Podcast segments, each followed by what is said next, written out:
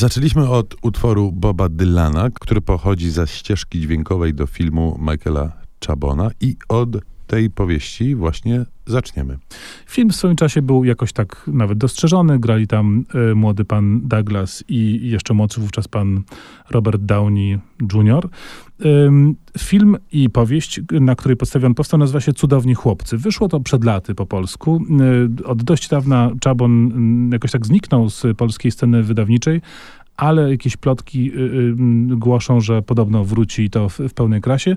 Cudowni Chłopcy to jest oczywiście cudowna książka mm, uniwersytecka, kampusowa, taki wzorzec wręcz można by powiedzieć tego typu historii, no bo bohaterem jest oczywiście głównym wykładowca, który jest zarazem pisarzem.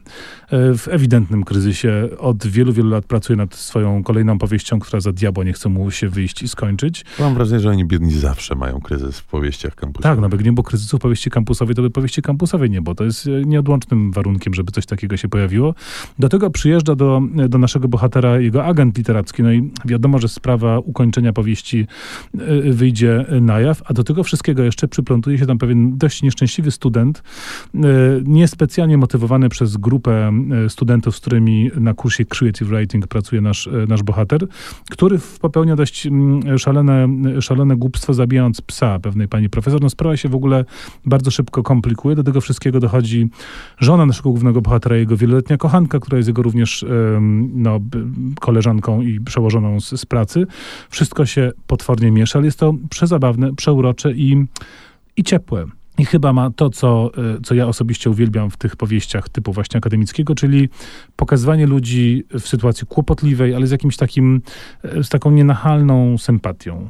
Ale powieść kampusowa, powieść akademicka to nie tylko profesura, to nie tylko wykładowcy, to nie tylko tak zwany staff, ale również uczniowie. I to oni są głównymi bohaterami powieści Jeffrey Eugenidisa, bo to tak się wymawia, choć e, można też z polska Eugenidesa.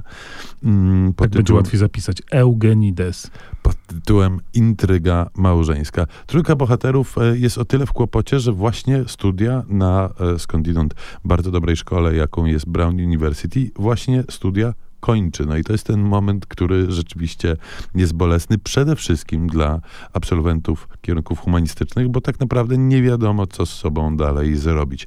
Mamy tu do, czynienia z jedną dziewczyną, kobietą, która jest e, specjalistką, zajmuje się XIX-wieczną e, powieścią i jest, e, no, może nie stereotypem taki właśnie humanistko-intelektualistki, ale na pewno rozpoznamy w niej dużo naszych koleżanek. Obok niej wrażliwiec, geniusz, już e, e, z no chyba e, jakimś problemem dwubiegunowym i kolejny wrażliwy, co niezwykle dobrym sercu, który chce pomagać ludziom na całym świecie.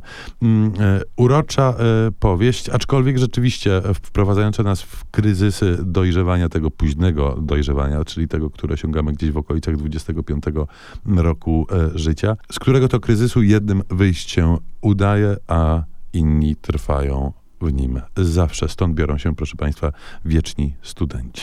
To co, to Państwo sobie teraz ten materiał uporządkują i ugruntują, a my puścimy krzepiący i spokojny kawałek. Dance Me Till the End of Love. Madeline Peyru i to jest z filmu Elegia, który to film jest ekranizacją książki Filipa Rotha, któremu życie kampusowe też nie było specjalnie obce.